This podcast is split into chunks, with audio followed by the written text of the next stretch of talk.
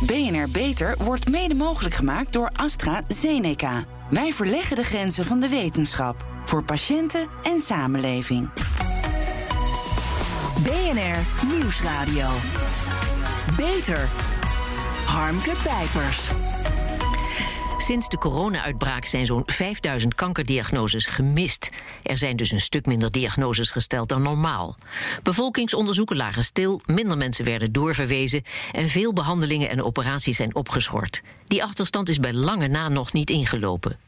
Met mijn gasten Irene Dingemans van de Nederlandse Federatie van Kankerpatiëntenorganisaties, de NFK, en Joachim Aarts, afdelingshoofd longgeneeskunde van het Erasmus Medisch Centrum, praat ik over de betekenis en de gevolgen hiervan. Ja, om hoeveel patiënten gaat het?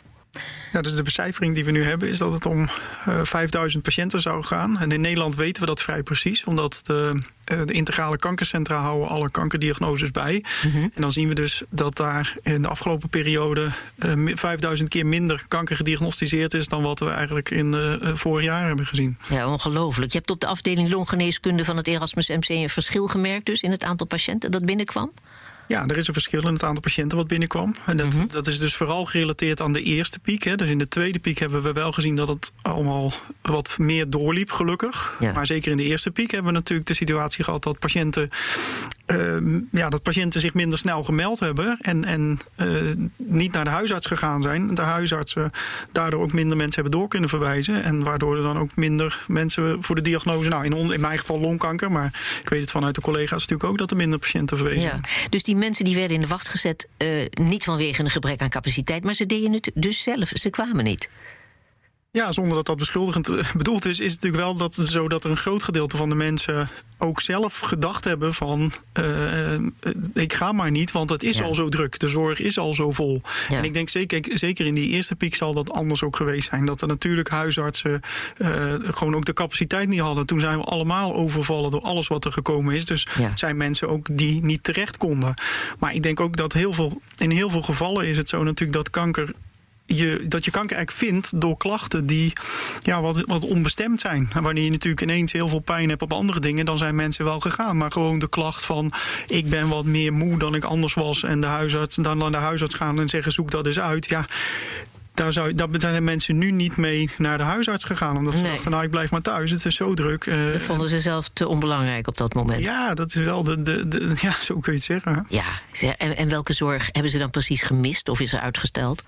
Ja, ik denk dat, dat het op alle terreinen ligt. Dat mensen, de, dat mensen gedacht hebben van nou, ik heb wel een, een plekje, maar ik ga daar maar niet mee naar de dokter. Wij kennen dat, we kennen dat eigenlijk al wel. In de zomervakantie hebben we ook altijd zo'n soort dip. Dan zijn mensen denken van nou, ik ga eerst maar eens op vakantie. We gaan eerst de vakantie maar eens door. De huisarts is met vakantie. Mm -hmm. Dus ik ga wel over een aantal weken. En dat zijn allemaal de, de, nou ja, wat ik al zei, de wat meer vagere klachten waarmee mensen, die mensen toch serieus moeten nemen. De dingen waar je wel zorgen om maakt, waar je op dat moment dan van denkt van nou, dat schuif ik even voor me uit. Ja, maar heb je niet tenminste toch ook voorbeelden van mensen uit jouw praktijk van wie de zorg wel degelijk moest worden uitgesteld? Want die zijn er natuurlijk ook, neem ik aan. Nee, zeker. Kijk, ja. het, is, het, is, natuurlijk niet zo dat we, uh, dat we nu kunnen zeggen... alles in de ziekenhuizen en bij de huisarts is zo gelopen... zoals het normaal gesproken zou lopen. Er zitten natuurlijk zeker uh, vertragingen in. Er zitten zeker momenten in waarin we moeten kijken... of we uh, patiënten bijvoorbeeld eerst telefonisch zien... in plaats van direct kunnen zien. En dat doen we om te proberen de zorg zo te maken... dat je bijvoorbeeld een nieuwe patiënt eerst telefonisch ziet. Dan kan je inventariseren van welke vervolgonderzoeken wil ik doen. Dan probeer je die alvast af te spreken... bij je vervolgende polykliniekbezoek... zodat die iemand maar één keer hoeft te komen. Wat nou ja, de reisbewegingen die we zoveel mogelijk willen beperken. Maar het is zo dat, en zeker nu, hè, met, met uh, nu we in die tweede golf zitten, die dan langer duurt en ook langer gaat duren dan we nu al weten. Maar dat we wel erop ingericht zijn om dit soort zorg wel te kunnen leveren. Dus dat we ook echt klaarstaan om de mensen te ontvangen. Ja, Irene, iedereen is wel op de een of andere manier geraakt hè, door de coronapandemie, of ze nu zelf besmet zijn of niet. Voor de mensen die al gediagnosticeerd waren met kanker voor de pandemie, wat betekende en betekent het de corona-uitbraak voor hen? Nou, het, wat we het meeste horen, in ieder geval van veel mensen die kanker hebben, die zijn ontzettend bang om besmet te raken met corona. Ja. Dus daar heerst heel veel onrust over onder patiënten. Uh, dus dat is denk ik enorm impactvol voor de mensen zelf. Ja, en daarna... Dat vonden ze dan belangrijker dan misschien die kanker? Die angst die overwoog. Ja, ja, het, het, ik weet, we hebben een uitvraag gehouden in de, in de acute fase van de crisis in maart en mhm. april. Toen verraste ons dat een beetje. Hadden we het misschien niet zien aankomen hoe groot de angst was om, om besmet te raken. Toen uh, ja, was bij wijze van spreken Diederik Gommers ook iedere avond op, in de talkshow om te zeggen hoe groot de nood was op IC. Zodat mensen ook echt dachten: ik maak straks geen kans op de IC. Wat dan? Uh, we zien eigenlijk dat die angst voor besmetting. We hebben net weer een uitvraag lopen. De angst voor besmetting die loopt nog steeds. Maar wat je ook ziet is dat natuurlijk om de veiligheid van patiënten en om de ziekenhuizen veilig te houden, worden, gaan, wordt een deel van de consulten telefonisch gedaan. Mm -hmm. worden een paar controles, misschien een controle overgeslagen. En je ziet dat mensen dat voor de veiligheid van met corona heel fijn vinden. Maar voor een kanker vinden ze het ook alweer zorgelijk. En vinden ze het heel fijn vinden als ze wel worden gezien door hun arts. Ja, nou zijn er heel veel soorten kanker. Om, om maar iets heel algemeens te zeggen. Met allemaal toch een heel verschillend ziekteverloop. Hè. Voor welke soorten kanker bleken de gevolgen het meest ingrijpend te zijn? Nou, ik denk als we het hebben over dat we een aantal diagnoses missen, dan zijn de gevolgen het grootst voor die kankersoorten waar we een bevolkingsonderzoek voor hebben. En dan vooral voor borstkanker en darmkanker. De bevolkingsonderzoeken zijn het voorjaar stopgezet en daarna gefaseerd opgestart vanaf juli. Maar nog, die draaien nog niet op 100 procent. En dat zijn dus dan, daar zitten mensen bij die nu nog helemaal geen klachten hebben. En die door het bevolkingsonderzoek vroegtijdig al, uh, in behandeling zouden zijn gekomen met, met meer kansen. Dus daar zijn de gevolgen het grootste, denk ik. Ja. Joachim, in de eerste maanden van de crisis zagen jij en je collega's veel minder mensen dan normaal. Waaraan lag dat nou precies? Toch die angst voor besmetting, was dat doorslaggevend? Ja, ik denk dat het en en en geweest is. Hè. De, de, de, eerste crisis was natuurlijk echt dat we ook allemaal overvallen waren. En, en ja, dat zien we nu natuurlijk ook. Dat men, we, houden, we hielden ons toen beter aan de regels dan we nu allemaal doen. En ik denk dat dat toen ook zo was met dit soort klachten. En dat mensen echt bang waren om zich te melden of de deur uit te gaan. Dan denken, ja, dadelijk ga ik ergens naartoe en dan loop ik een besmetting op. Uh, Wat Irene net ook zei. En dat is, dat is misschien nog wel veel gevaarlijker dan waar ik, uh, die ziekte die ik misschien aan ja. komen. Maar ja, als iemand een knobbeltje voelt of last heeft van pijn of rare klachten dan gaat die corona of niet toch echt wel naar de dokter. Tenminste, dat zou je denken. maar dat was dus niet zo. Nou, ik denk dat dat in zekere zin wel zo is. Hè. Maar er zijn, helaas is het zo dat we natuurlijk veel vormen van kanker kennen die je niet kan voelen. Hè. Dus bijvoorbeeld, uh, nou, de, ik kan weer het voorbeeld van de longen noemen. Die longen kan je van buiten niet voelen. En daar kan je dus niks zelf aan voelen, behalve als je op een gegeven moment klachten krijgt. Dus ik denk zeker dat mensen die een knobbeltje in de borst voelden, gelukkig is die voorlichting wel zo dat alle mensen daar toch alert op zijn. En snel, en dan misschien wel uh, gegaan zijn. Maar. Ja al die kankers die wat vager zijn als iemand wat slikklachten heeft. En denkt, nou, dat zal wel zijn, uh, een beetje, dat gaat wel weer over. En dan blijkt het toch een slokdarmcarcinoom te zijn. Ja. dat zijn de mensen die, denk ik, met wat vagere klachten wel wat langer hebben gelopen. En, en, en, en hebben de huisartsen, hebben die genoeg doorverwezen? Of waren die vanwege de corona ook terughoudend? Ja, ik denk niet zozeer dat huisartsen terughoudend zijn geweest in. Nou ja, niet terughoudend in doorverwijzingen voor kanker. Maar wel mhm. dat ook natuurlijk door, door de enorme toeloop aan coronapatiënten. zij ook niet alle zorg weg konden werken uh, die erop en afkwam. En dat uh, de, nou ja, door de drukte voor de corona, door de praktijken die aan alle kanten uh, ook beperkt waren in de toegankelijkheid. of moesten worden in de toegankelijkheid. dat daar natuurlijk ook een. Ja, dat het ook moeilijker was om daar terecht te komen. Dat zij ook heel veel telefonisch hebben moeten doen. En dan is natuurlijk het beoordelen ik zeg wel eens altijd het moeilijkste vak is een huisarts. We hebben de oordeel maar eens door de telefoon of iemand die klaagt over moeheid. Of dat het uh, het een of de ander. Het kan van het minst erge tot het ergste zijn. En dat moet je maar zien te beoordelen. Dus dat is ook heel lastig. Ja. Dan zou je ook kunnen concluderen, en corrigeer me vooral als het niet zo is, daar is een grote kans, dat mensen voorheen misschien iets te snel naar de dokter renden, want die heb je ook, terwijl er eigenlijk niks aan de hand was. Ja, denk natuurlijk dat daar, daar zit natuurlijk wel een, een groep mensen in die. Uh, er zit natuurlijk een groep, mensen die bij de huisarts lopen, waarvan je, waarvan uh, die nooit het ziekenhuis nodig hebben, gelukkig. Omdat het klachten zijn die misschien uh, allemaal wel milder zijn en die niet direct medische zorg behoeven, maar misschien wel interventies.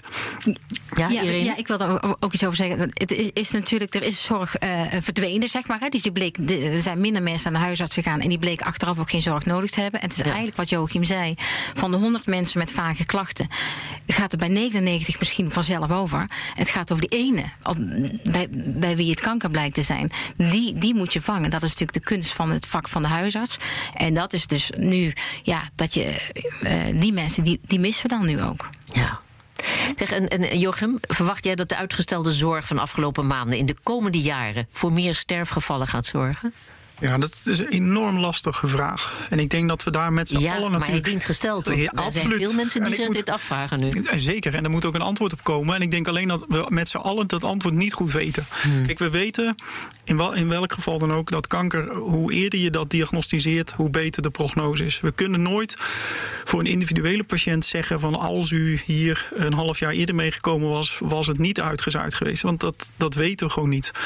Algemeen blijft natuurlijk de boodschap van als je klachten hebt, meld je, want dan kunnen we ernaar kijken. Maar je kan nooit achteraf uh, zeggen van dit had mogelijk anders kunnen zijn. Ja. natuurlijk, er kan zo zijn dat we dat in Nederland wel gaan zien. Dat we zeggen, we hebben nu een aantal uitgestelde diagnoses van een aantal kankersoorten. En dat we over een aantal jaar zien dat, er een, een, een dat we mensen vinden, meer mensen in uitgezaaide vorm vinden. Dan kunnen we zeggen, ja, blijkbaar hebben we toen uh, een slechte daad gedaan. doordat die mensen eh, destijds niet gediagnosticeerd zijn. Maar Karin Uil de Groot, hoogleraar evaluatie van de gezondheidszorg aan Erasmus Universiteit. Zij becijferde op verzoek van de Volkskrant het aantal verwachte sterfgevallen in vijf jaar. Voor darmkanker, slokdarmkanker, borstkanker en longkanker alleen al zou dat dan gaan om 1600 mensen die mogelijk komen te overlijden omdat ze te laat door een arts zijn gezien. Deel je deze conclusies? Durf je ze te delen? Nee, ik, bedoel, ik, ik, deel het niet in de zin dat ik denk dat, uh, dat het natuurlijk op basis van de modellen die ze gebruikt heeft, daar kan ik, daar kan ik natuurlijk achter staan. Maar ik denk dat mhm. we dat. We hebben dit nooit zo gehad. Dus we kunnen niet nu. Uh, is mijn mening, is dat we, dat we daar nu nog niet zo hard aan kunnen rekenen en daar modellen op loslaten om dat te zien. Hè. We hebben bijvoorbeeld ook gezien dat in de periode tussen de eerste piek en die tweede piek we uh, veel van de zorg hebben uh, weer ingehaald. En hebben we juist dingen weer versneld gevonden. En dat wil niet zeggen, nogmaals, het blijft natuurlijk een periode waarin patiënten, en daarom is ook nu die oproep kom.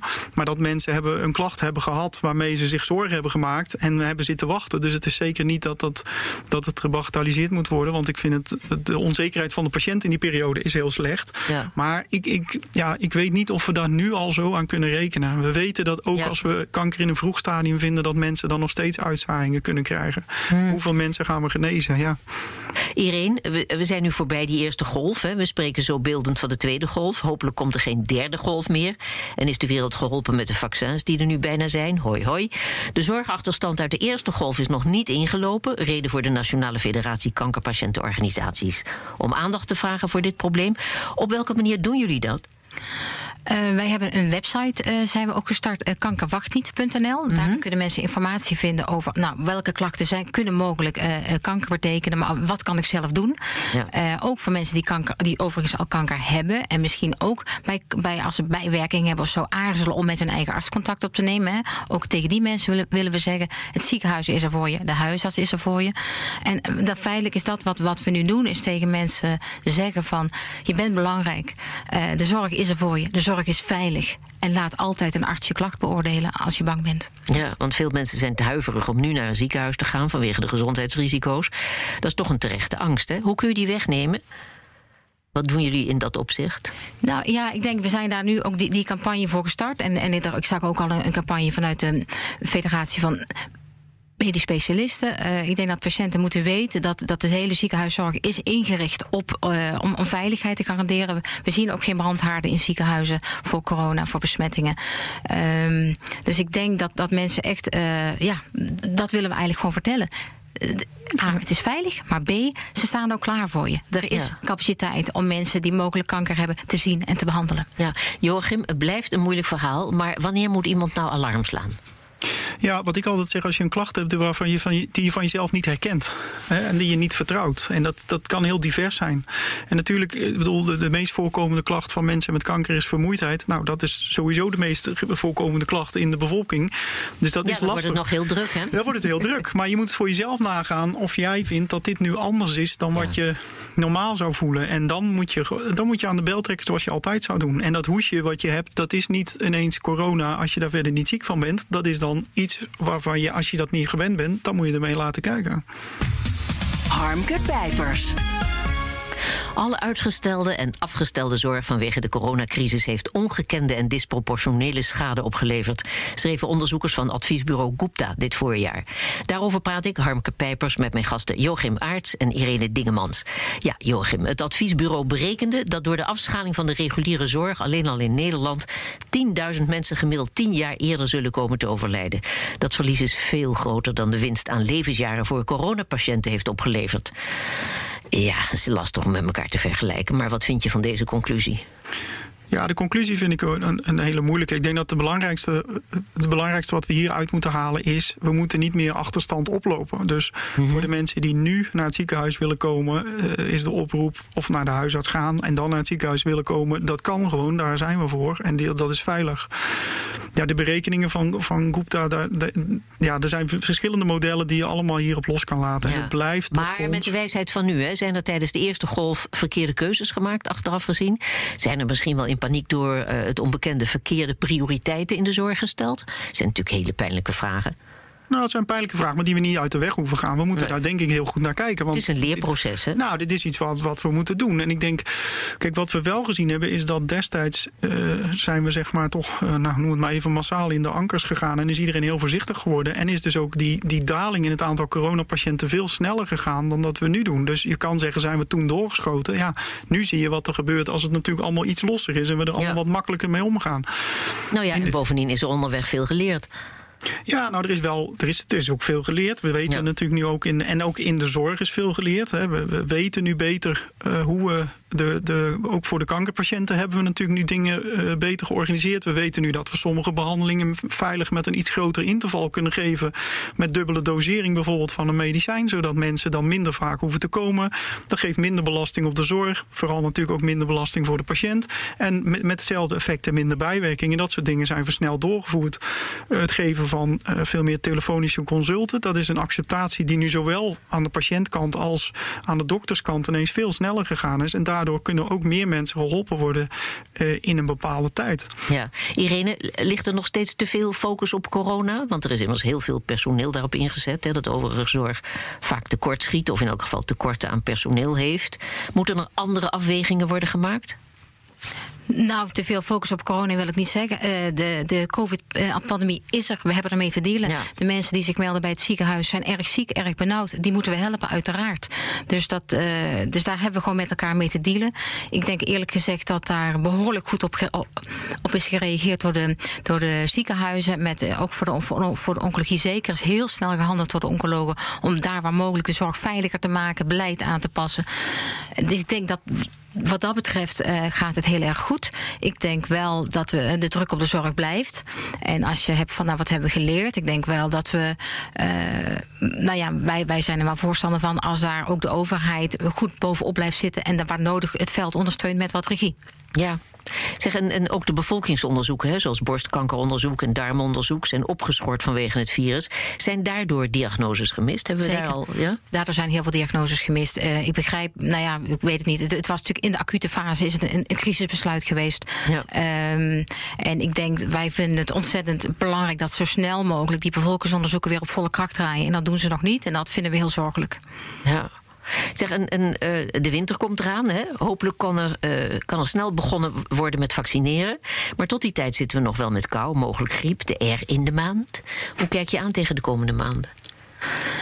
Nou, spannend. Ik moet eerlijk. Uh, kijk, wat ik al zeg, als we kijken vanuit het perspectief kankerpatiënten, dan uh, hebben wij het geluk tussen aanhalingstekens dat wij eigenlijk de laatste in de rij zijn om uh, afgeschaald te worden als zorg.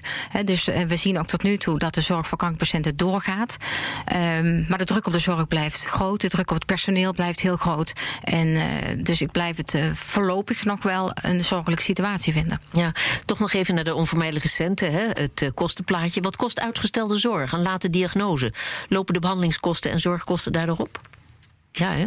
Nou ja, als de zorg verlaat is zodanig dat mensen natuurlijk in plaats van een, uh, nou, een operatie ook nog een, een naastraject nodig hebben, omdat er nabehandeld moet worden, omdat er uitzaaiingen zijn of, ja. uh, dat, of bestraling nodig is, ja, dan gaan die zorgkosten natuurlijk daardoor oplopen.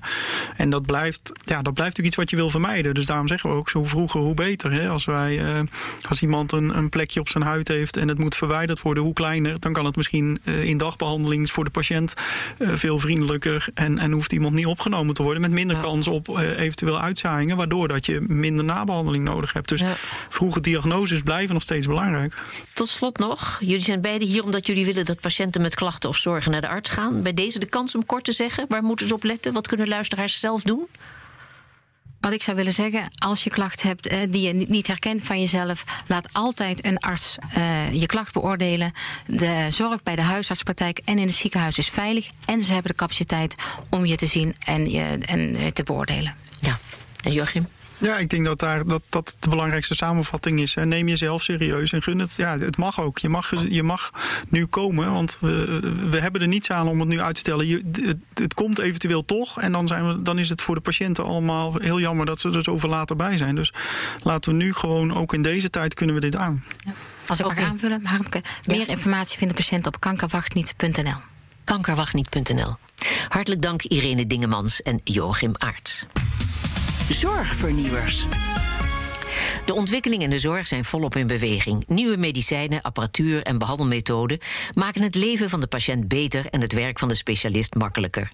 Niet alle ziekenhuizen beschikken over uitgebreide laboratoria om snel onderzoek te kunnen verrichten. De Isala ziekenhuizen Meppel en Zwolle starten om die reden met testvluchten met drones tussen beide ziekenhuizen.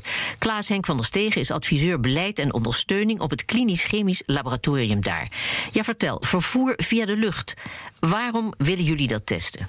Uh, dat willen we testen omdat wij daar mogelijkheden zien om uh, snelle diagnostiek uh, op één locatie te kunnen doen, die we niet op de locaties kunnen doen waar het laboratorium niet zo uitgebreid is. Ja, en in wat voor gevallen is het nodig om zo snel materiaal naar een lab te krijgen? dat kan verschillende oorzaken hebben. Dat kan zijn een, een patiënt die met spoed wordt opgenomen en waarbij uh, direct diagnostiek van het lab nodig is. Het kan ook zijn uh, bij verslechterde toestand van een patiënt. Uh, ja. ja. er zijn meerdere redenen voor. Ja. Ja, fantastisch. Maar stel, hè, je vervoert een bloedmonster in zo'n drone. Die vliegt 75 km per uur op 100 meter hoogte. Het is vast redelijk koud, zo'n drone trilt en schudt. Gaat dat ten koste van de kwaliteit van het monster?